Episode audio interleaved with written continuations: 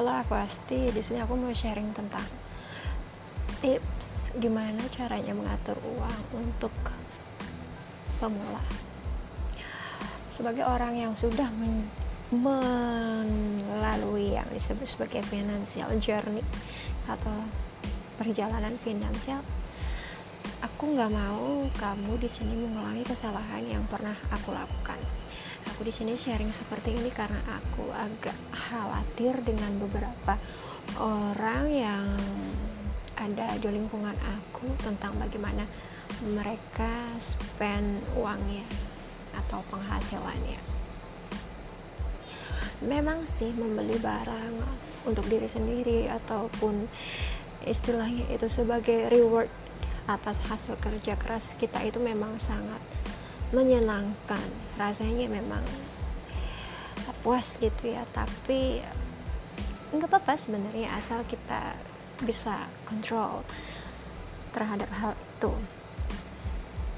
Nah dulu kakek aku pernah menasehati ibuku. Jadi kakek dari bapak menasehati ibu bahwa kalau apa ya bahasanya ya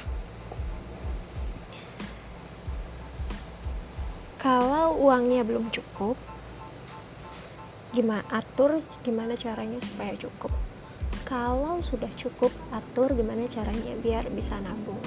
Nah di sini aku mau tambahin satu kalimat setelah itu ya yakni kalau sudah bisa nabung atur gimana caranya supaya bisa invest atau supaya bisa investasi.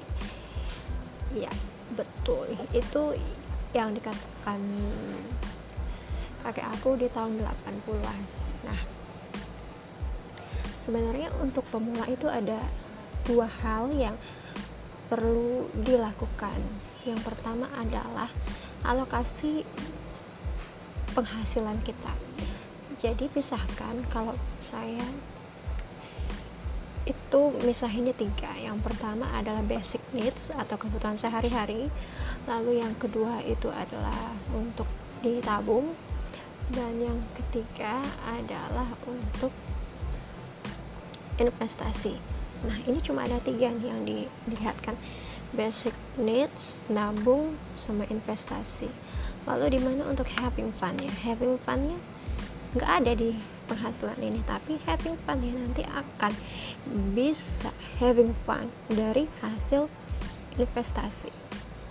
Jadi penghasilan bulan hanya cukup harusnya untuk ini saja lalu aturan yang kedua adalah tunda membeli hal-hal yang nggak penting hal-hal yang ibaratnya itu menjadi liabilitas bukan aset. Misalnya seperti barang-barang yang yang nggak penting lah hanya untuk gaya-gayaan atau impress gitu.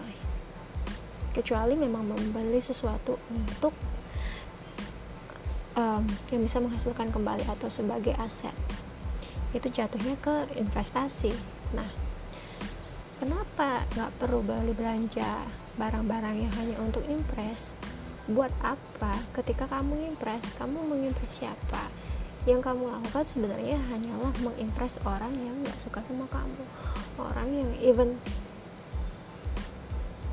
apa ya nggak peduli gitu ya sama kita. Jadi ngapain beli hal-hal kayak gitu? Terus juga misalnya hanya untuk kesenangan coba dikontrol kontrol kesenangan itu jangan dengan cara belanja. Memang pada awal-awal susah karena aku cerita ini based on pengalaman aku sendiri yang waktu awal-awal kerja itu boros lah ya. Begitu dapat duit belanja duit belanja.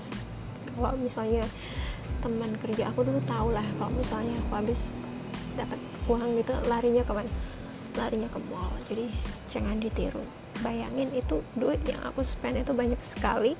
Bayangin kalau duit itu aku, sudah aku investasikan dari dulu gitu. Pasti kan beda lah hasilnya.